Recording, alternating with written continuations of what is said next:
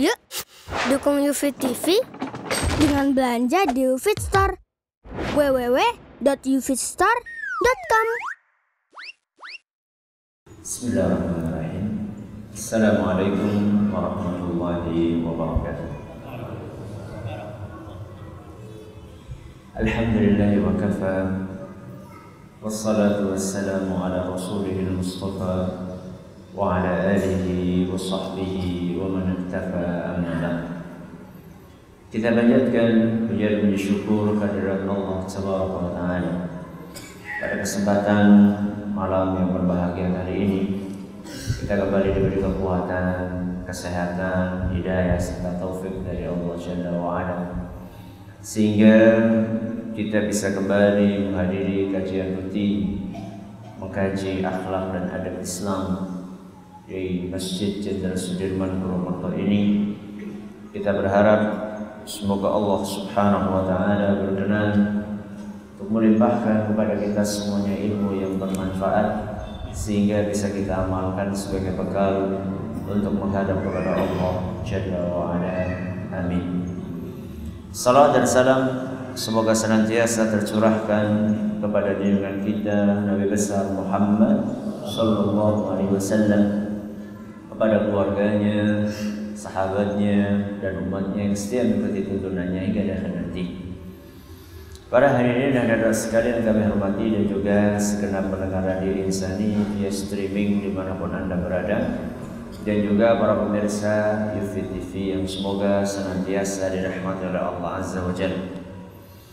Pada pertemuan yang lalu kita telah mengawali pembahasan tentang hadis yang keenam yang disebutkan oleh Imam Ibn Hajar Al Asqalani dalam Kitabul Jami' dari Bulughul Maram yaitu hadis yang berbunyi an Ibnu Abbas radhiyallahu anhu maqal dari Ibnu Abbas radhiyallahu anhuma beliau berkata qala Rasulullah sallallahu alaihi wasallam Rasulullah sallallahu alaihi wasallam bersabda idza akala ahadukum ta'aman fala yamsah yadahu kalau kalian habis makan maka janganlah dia mengusap atau membasuh tangannya hatta yal'aqaha au yul'iqaha. Sampai dia menjilati tangannya atau memerintahkan orang lain untuk menjilatinya. Hadis riwayat Bukhari dan Muslim pada pertemuan yang lalu kita telah menyampaikan kata kunci dalam hadis ini. Apa itu? Mencari berkah. Mencari berkahnya makanan.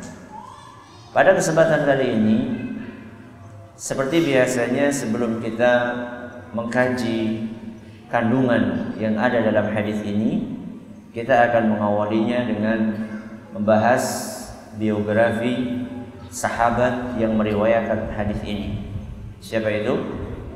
Ibnu Abbas radhiyallahu anhu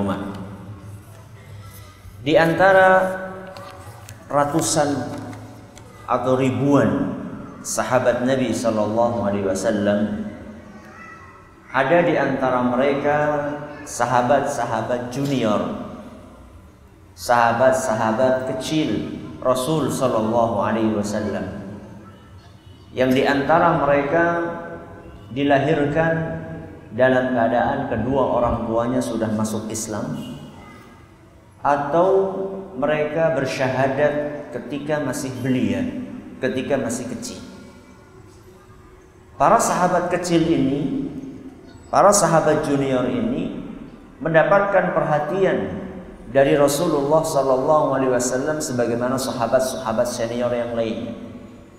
Bahkan Rasulullah Sallallahu Alaihi Wasallam menyempatkan waktunya untuk bercanda dengan mereka, untuk ngobrol bersama mereka dan juga untuk mengajarkan ilmu kepada mereka. Dan di antara sahabat junior tersebut adalah seorang sahabat yang terkenal dengan panggilan Ibnu Abbas. Beliau lahir tiga tahun sebelum Nabi kita Sallallahu Alaihi Wasallam hijrah Dari mana? Dari Mekah ke Madinah. Lahirnya Ibnu Abbas adalah tiga tahun sebelum Nabi kita Muhammad Sallallahu Alaihi Wasallam hijrah ke kota Madinah. Nama lengkapnya adalah Abdullah. Siapa? Abdullah. Abdullah siapa Ustaz? Abdullah bin Abbas. Begitulah nama para sahabat Nabi SAW. Gak terlalu bertele-tele, gak terlalu panjang-panjang. Umar, Utsman, terus Ali, terus Abdurrahman, Abdullah, siapa lagi? Siapa?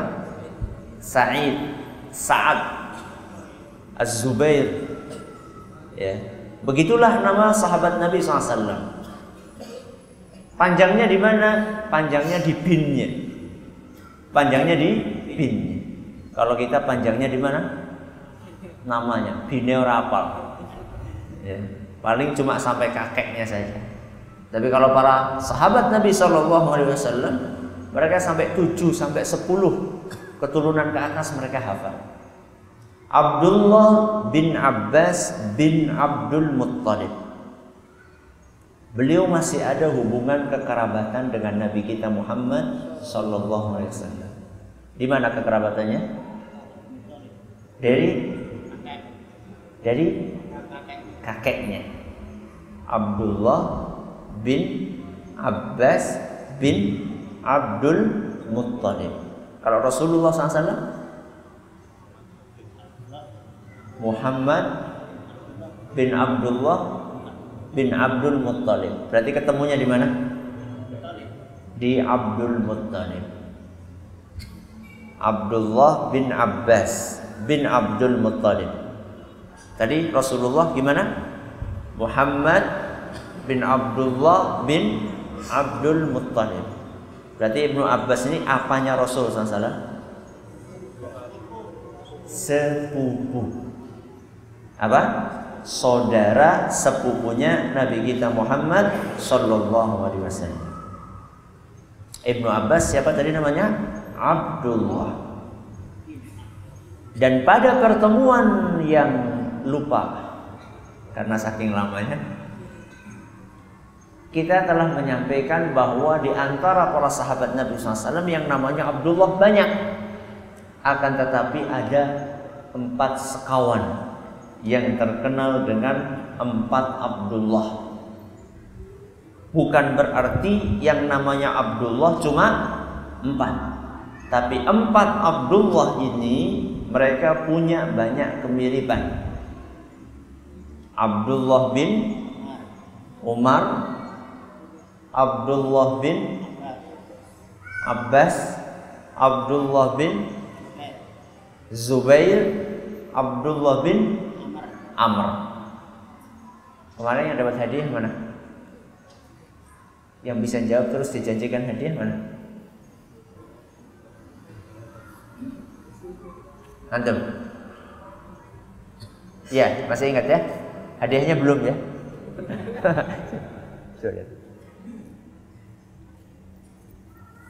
Silahkan, bawa kelalen maning.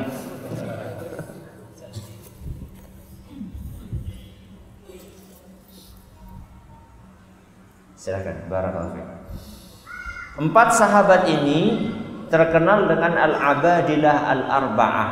Empat Abdullah yang mereka itu punya kemiripan. Satu sama-sama muda, dua sama-sama usianya panjang, Tiga sama-sama ilmunya luas. Empat sama-sama banyak meriwayatkan hadis. Lima sama-sama ahli fatwa.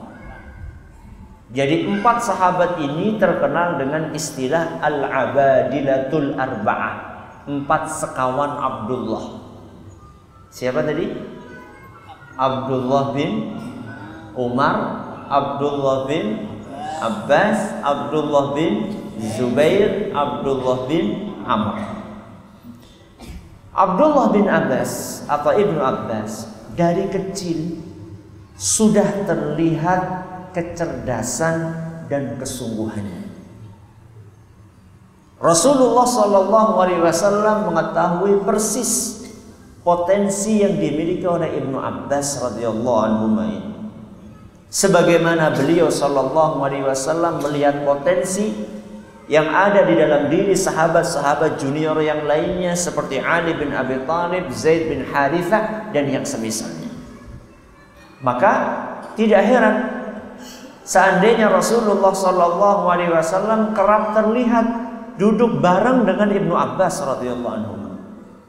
Contohnya sebuah hadis yang diriwayatkan oleh Imam Al Hakim dan hadis ini nyatakan sahih dari Syekh Al Albani ketika Rasulullah Shallallahu Alaihi Wasallam dikasih hadiah tunggangan. Ketika Rasulullah Shallallahu Alaihi Wasallam dikasih hadiah tunggangan, yang bernama baglah. Baglah itu adalah hasil perkawinan silang antara kuda dengan keledai. Kuda dengan keledai dikawinkan ketemunya apa? Bigal atau baglah. Ketika Nabi SAW dapat hadiah baglah, hewan tunggangan dari Raja Persia, maka Nabi SAW pun nganyari Nganyari menaiki tunggangan tersebut dan diajaklah siapa? Ibnu Abbas Disuruh naik di belakangnya Anak kecil dibonceng naik kendaraan Senang apa tidak? Senang ya. Dan Nabi Shallallahu Alaihi Wasallam memanfaatkan momen tersebut Ketika kondisi seseorang, kondisi psikologisnya sedang nyaman, maka Nabi SAW memanfaatkan kondisi itu untuk mengajarkan ilmu pengetahuan kepada Ibnu Abbas. Dan ini salah satu trik mengajarkan ilmu. Memanfaatkan kondisi ketika seseorang psikologisnya sedang enak. Dan ini kadang-kadang kurang diperhatikan sama siapa? Sama orang tua. Wis ngerti bocah yang Bali sekarang sekolahan lagi apa? Kesel, kencot, apa maning?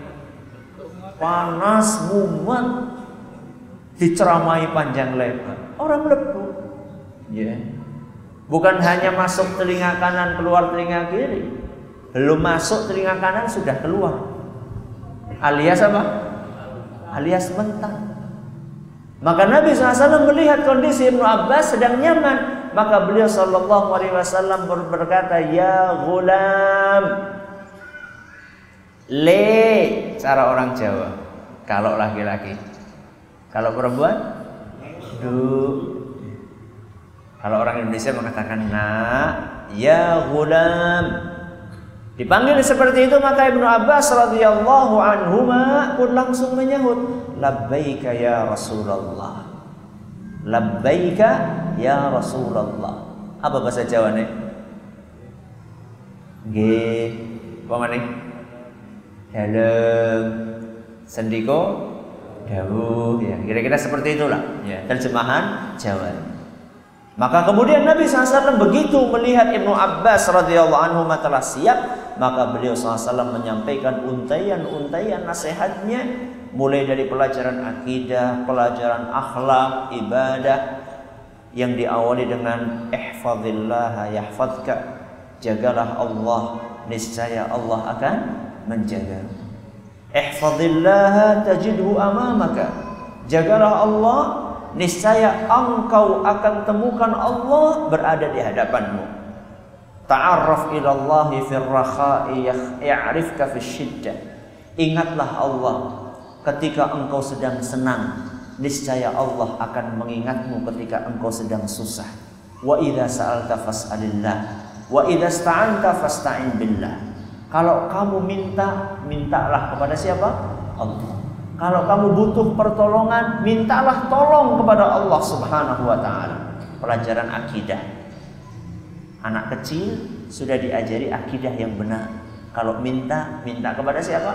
Allah bukan malah diajari le kayak ngone mbah dukun kayak tolong jalukaken apa enggak dari kecil Nabi SAW sudah mengajarkan akidah kepada Ibnu Abbas radhiyallahu anhu sehingga betul-betul menancap dalam di dalam dadanya Ibnu Abbas radhiyallahu anhu. Kemudian beliau mengajarkan bagaimana menghadapi kehidupan. Qad madal qalamu bima huwa kain. Semua yang terjadi telah tertulis. Telah tertulis di dalam kitab takdir.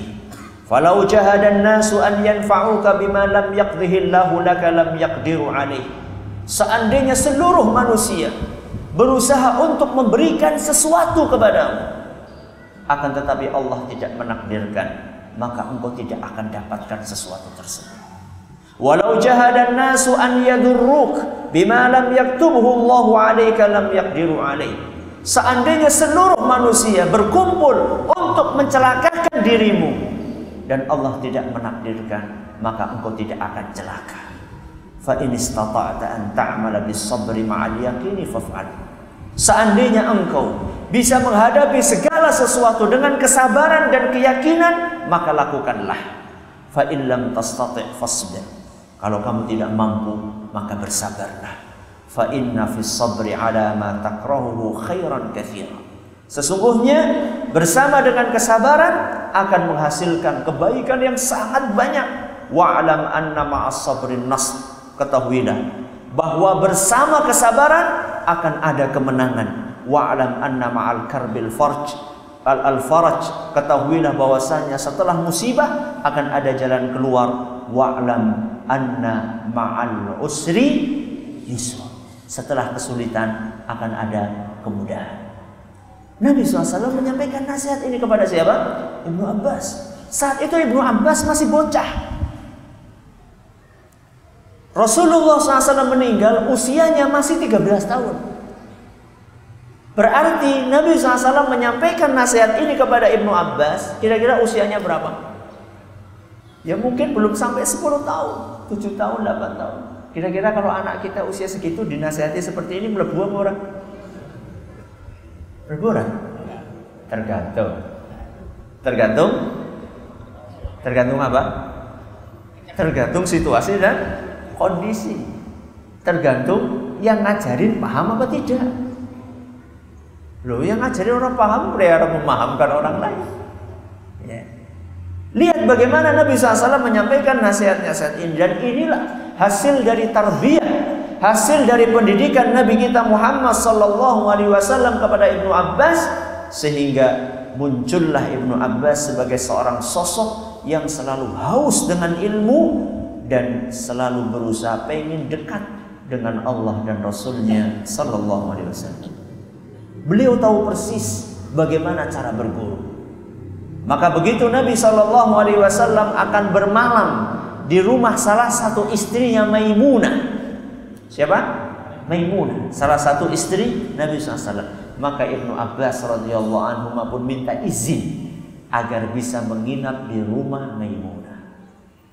Apa yang dilakukan oleh Ibnu Abbas? Menyiapkan segala sesuatu yang dibutuhkan oleh Nabi kita Muhammad SAW beliau akan wudhu menyiapkan apa airnya tidak seperti sekarang sekarang tinggal apa buka keran ya mungkin bahasa kita maka Ibnu Abbas pun begitu tahu Nabi SAW akan wudhu beliau cepet-cepet apa ngangsu itu kalau bahasa kita ya. begitu melihat Nabi SAW sholat bersama Maimunah istri beliau maka Ibnu Abbas radhiyallahu anhu pun gabung ikut sholat di situ. Diceritakan oleh beliau sendiri, nimtu inda Maimunah wan Nabi sallallahu alaihi wasallam indaha tilkal laila. Pada suatu hari aku nginep di rumah bibiku Maimunah. Dan saat itu Rasulullah SAW pun nginap di situ. Ketika Rasulullah SAW sholat, fakumtu ala yasarihi maka kemudian aku pun ikut makmum cuman saya berdirinya di sebelah kirinya Rasulullah SAW di sebelah apa? kiri dan makmumnya saat itu laki-laki cuma satu sama siapa? Maimunah perempuan di belakang fa'akhadhani faja'alani an yaminihi maka kemudian Nabi Shallallahu Alaihi Wasallam geser aku dari sebelah kiri diposisikan di sebelah apa? kanan. Dan itulah posisi yang lebih tepat ketika menjadi makmum sendirian. Bukan di mana? Bukan mundur sedikit, tidak. Akan tetapi persis di sebelah kanannya imam. Ini kalau makmumnya berapa? Satu. Itulah yang di, dicontohkan, yang diajarkan oleh Nabi kita Muhammad SAW kepada Ibnu Abbas. Ketika Ibnu Abbas berdiri di sebelah kiri dan ini nggak pas, nah oleh Nabi SAW digeser ketika sholat, disuruh berdiri di sebelah kanannya. Fasalla thalatha ashrata raka'ah. Kemudian Nabi SAW sholat 13 rakaat dan Ibnu Abbas selalu menjadi makmum di sebelah kanan persis Rasulullah SAW. Hadis riwayat Bukhari. Hadis riwayat Bukhari. Ibnu Abbas sosok yang menggabungkan antara ketampanan luar dan ketampanan dalam. Seorang tabi'in yang bernama Masruq Ibnul Ajda' beliau mengatakan, ketika aku melihat Ibnu Abbas, maka aku maka aku katakan dialah orang yang paling tampan. Ganteng Ibnu Abbas. Dalam beberapa riwayat ganteng, kekar, putih, tinggi. Masya Allah ya. Ganteng, kekar, putih, tinggi. Ada orang ganteng tapi ireng. Ana wong gede dhuwur tapi ora ganteng. Ana wong putih tapi ora gede dhuwur. Ini Ibnu Abbas ganteng, kekar, putih, tinggi. Kata Masruq Ibnu Ajda, ketika aku melihat Ibnu Abbas, maka aku merasakan bahwa dia adalah orang yang paling tampan. Ketika dia berbicara, maka aku melihat bahwa Ibnu Abbas adalah orang yang paling pintar dalam berbicara. Dan ketika beliau mulai berceramah, maka aku merasa bahwa beliau adalah orang yang paling berilmu. Ibnu Abbas radhiyallahu anhu kalau sudah mengajarkan tafsir diceritakan oleh ulama tabi'in yang lainnya yaitu Abu Wa'il kata beliau pada suatu hari kami pernah menghadiri Ibnu Abbas radhiyallahu anhu sedang ngisi sedang menyampaikan khutbah di musim haji dan saat itu Ibnu Abbas menyampaikan surat An-Nur surat apa? An-Nur dibacakan surat An-Nur ditafsirkan oleh beliau. Kata Abu Wa'il, aku tidak pernah mendengar ceramah sehebat dan seindah yang disampaikan oleh Ibnu Abbas saat itu. Seandainya orang Persia, orang Romawi, orang Turki mendengar apa yang disampaikan oleh Ibnu Abbas saat itu, niscaya mereka akan berbondong-bondong masuk ke dalam Islam.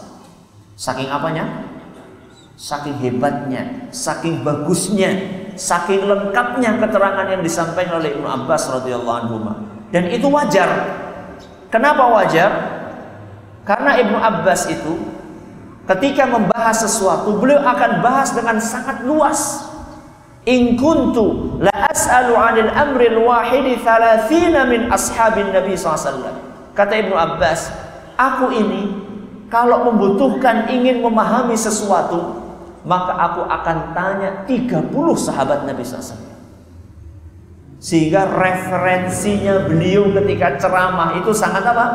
Sangat luas. Makanya wajar seandainya Abu Wa'il tadi mengatakan kalau sampai orang mana tadi? Persia, orang Turki, orang Romawi dengar apa yang disampaikan oleh Ibnu Abbas saat itu, saya yakin mereka semuanya akan masuk ke dalam Islam. Sehingga wajar seandainya Umar Ibnul Khattab radhiyallahu anhu tahu persis keistimewaan yang dimiliki oleh Ibnu Abbas. Umar bin Khattab sebagai seorang khalifah punya majelis khusus yang dihadiri oleh para pembesar sahabat Nabi SAW para sahabat senior. Yang hadir di majelis itu adalah sahabat-sahabat senior yang berilmu, yang berumur, yang banyak berjuang untuk Islam. Di dalamnya Umar bin Khattab mengajak mereka bermusyawarah tentang permasalahan-permasalahan yang yang dihadapi oleh kaum muslimin. Dan di antara yang diminta oleh Umar untuk hadir di majelis sahabat senior itu adalah siapa? Ibnu Abbas. Seorang sahabat yang masih belia. Begitu sebagian sahabat senior melihat Umar memasukkan siapa? Ibnu Abbas. Maka ada di antara mereka yang komplain dalam tanda kutip kepada Umar. Wahai Umar, kamu masukkan Ibnu Abbas. Kami juga punya anak-anak. Kami juga di rumah punya anak-anak seumuran Ibnu Abbas. Kenapa kamu nggak suruh anak-anak kami untuk ikut? Apa kata Umar Ibn Al-Khattab radhiyallahu anhu? Innahu mimman qad alimtum. Kalian sudah tahu apa kelebihannya bocah ini. Pada suatu hari Umar ingin membuktikan perkataan. Maka dikumpulkannya para sahabat senior tadi bersama mereka ada siapa? Ibnu Abbas. Setelah semuanya kumpul, Umar Ibn Khattab berkata, Mata kuluna, menurut kalian apa maksud dari surat An-Nasr? Apa An-Nasr? Idza jaa nasrullahi wal fath. Apabila telah datang pertolongan Allah dan penaklukan. Penaklukan apa? Penaklukan apa? Kota Mekah. Fathu Makkah. Idza jaa nasrullahi wal fath. Apabila telah datang pertolongan dari Allah dan penaklukan kota Mekah. Wa ra'aitan nasa yadkhuluna fi dinillahi afwaja. Dan engkau akan melihat orang-orang masuk ke dalam Islam secara berbondong-bondong. Fasabbih bihamdi rabbika wastaghfir. Maka hendaklah engkau wahai Muhammad memperbanyak tasbih memperbanyak istighfar. Innahu kana tawwaba. Sesungguhnya Allah itu Maha menerima taubat. Wahai para sahabatku, menurut kalian apa maksud dari surat An-Nasr? Maka salah seorang dari sahabat senior mengatakan umirna an nahmadallaha wa nastaghfirahu idza nusirna wa futiha alaina. Kata seorang sahabat senior, wahai Umar, ayat ini, surat ini menunjukkan bahwa kalau kita mendapatkan pertolongan dari Allah, kita baru menaklukkan suatu kota, maka kita disuruh untuk memperbanyak istighfar, mengucapkan tasbih kepada Allah Subhanahu wa taala. Jawaban dari salah satu sahabat. Mirip letterlek seperti isi dari ayat itu fasabbih bihamdi rabbika wastaghfir. Mengucapkan tasbih mengucapkan tahmid mengucapkan apa? Istighfar. Kapan? Idza jaa nasrullahi wal fath. Kalau telah datang pertolongan Allah dan sudah kita menaklukkan suatu kota. Ditanya lagi menurut kalian yang lain bagaimana? Sebagian sahabat mengatakan la nadri. Kami tidak tahu. Sebagian yang lain diam maka kemudian Umar ibn Khattab menoleh kepada Ibnu Abbas. Ya Ibnu Abbas, ahaka ahaka? Apakah pendapatmu seperti apa yang disampaikan oleh sahabat-sahabat tadi? Kata beliau, la. Apa kata Ibnu Abbas? Ya. Bukan seperti itu. Deng deng. Fama Terus menurut kamu apa wahai Ibnu Abbas? Maka Ibnu Abbas pun mengatakan, "Huwa ajadu Rasulullah sallallahu alaihi wasallam a'lamahu Allah Maksud dari surat An-Nasr adalah pemberitahuan dari Allah kepada Rasulnya bahwa ajal beliau telah dekat. Atuh banget tuh.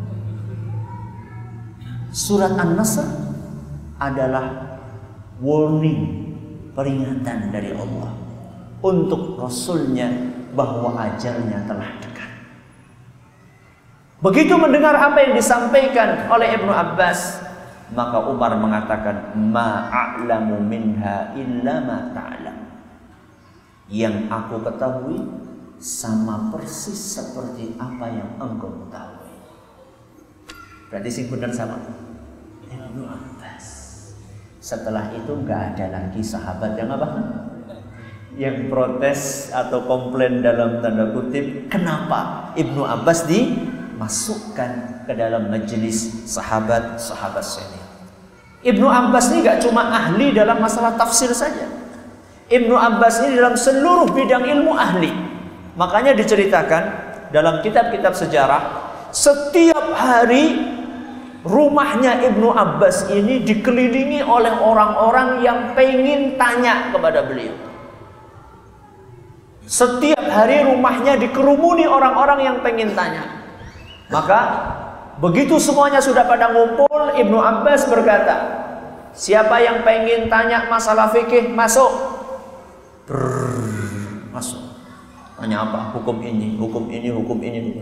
Sudah selesai? Silahkan. Semua sudah keluar. Ibnu Abbas berkata, siapa yang pengen tanya tentang masalah tarikh? Apa tarikh? Sejarah. Silahkan masuk. Tanya, fulan tanya sejarah, fulan tanya ini, fulan sudah selesai? Keluar.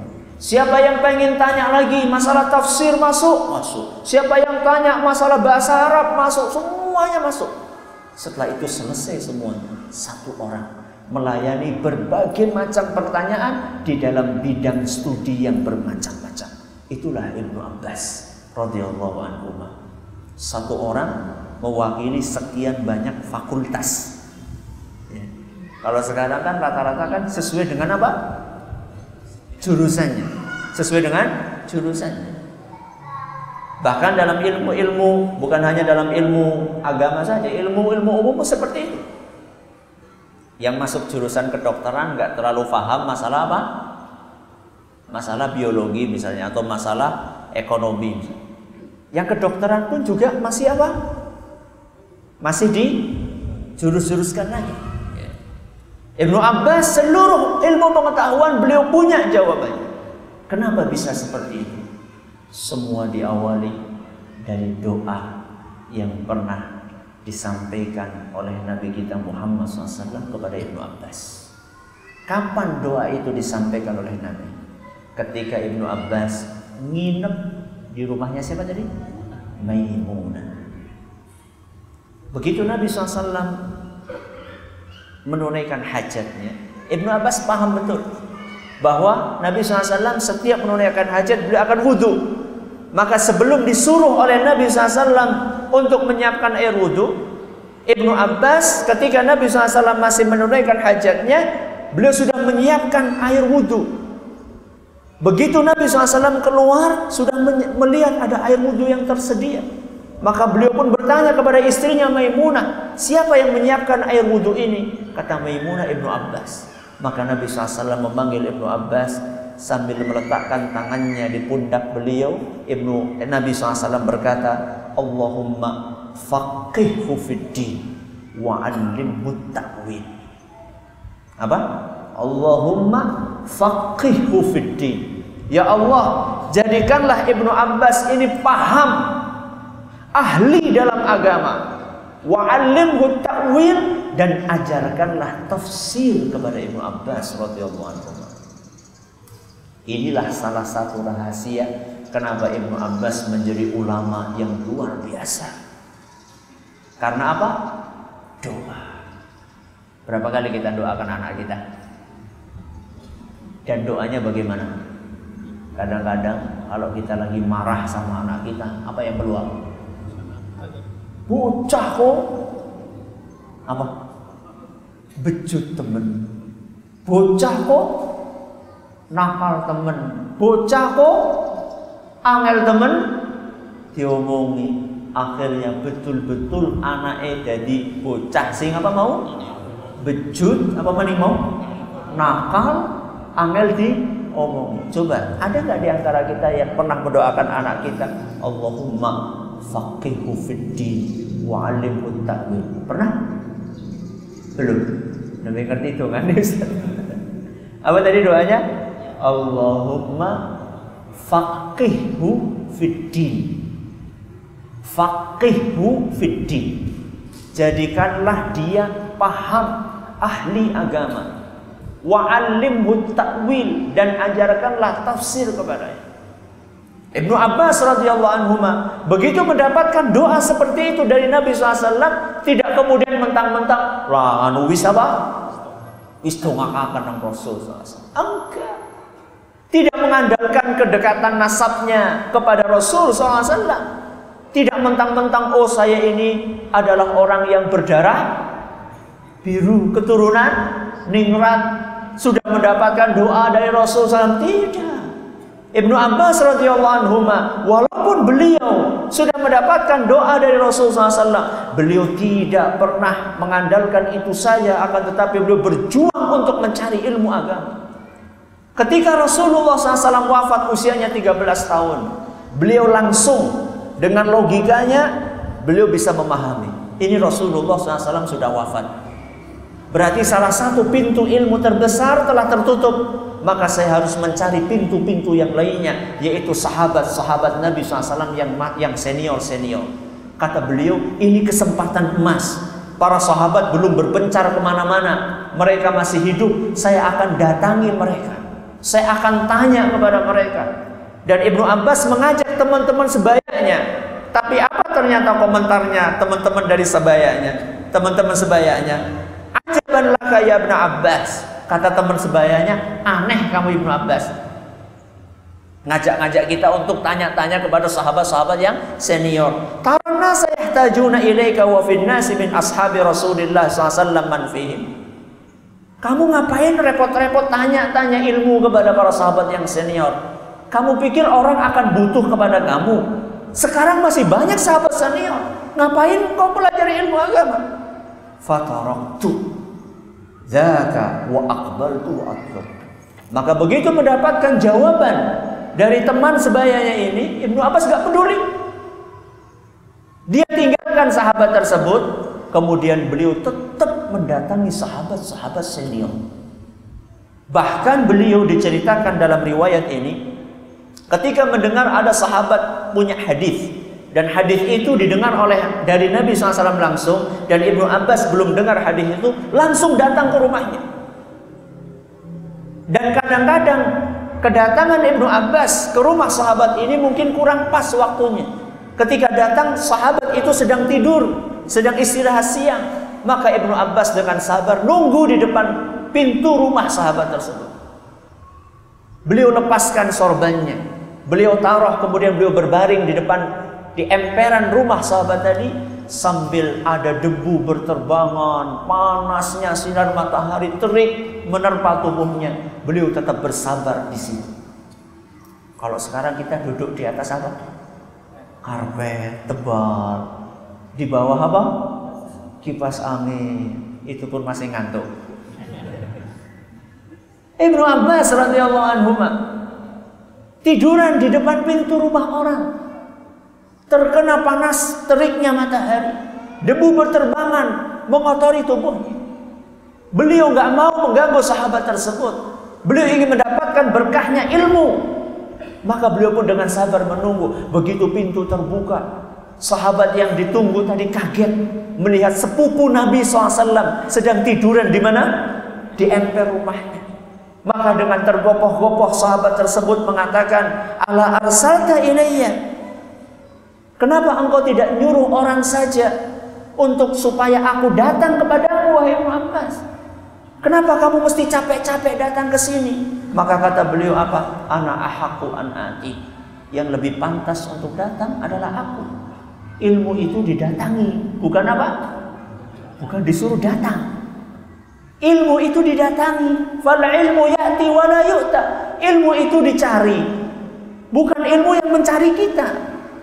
Kita mendatangi ilmu bukan ilmu yang mendatangi kita. Maka kemudian terus beliau mengelilingi para sahabat senior untuk mendapatkan ilmu sampai Ibnu Abbas menjadi seorang ulama dan orang-orang berkerumun di sekeliling Ibnu Abbas sedangkan teman sebayanya yang dahulu diajak oleh Ibnu Abbas untuk belajar bareng duduk terbangun melihat Ibnu Abbas dikelilingi orang yang sedang ingin bertanya ilmu agama kepada beliau. Kemudian orang tadi mengatakan hadzal fata kana aqala minni. Pemuda ini lebih cerdas dariku. Kata sahabat yang sebaya dengan Ibnu Abbas tadi. Ibnu Abbas orang yang sangat memuliakan ulama. Sehingga beliau rela untuk datang berguru kepada seorang ulama. Dan ketika ada seorang ulama di antara sahabat Nabi SAW yang bernama Zaid ibnu Thabit. Zaid ibnu Thabit. Seorang ulama juga di kalangan sahabat Nabi SAW.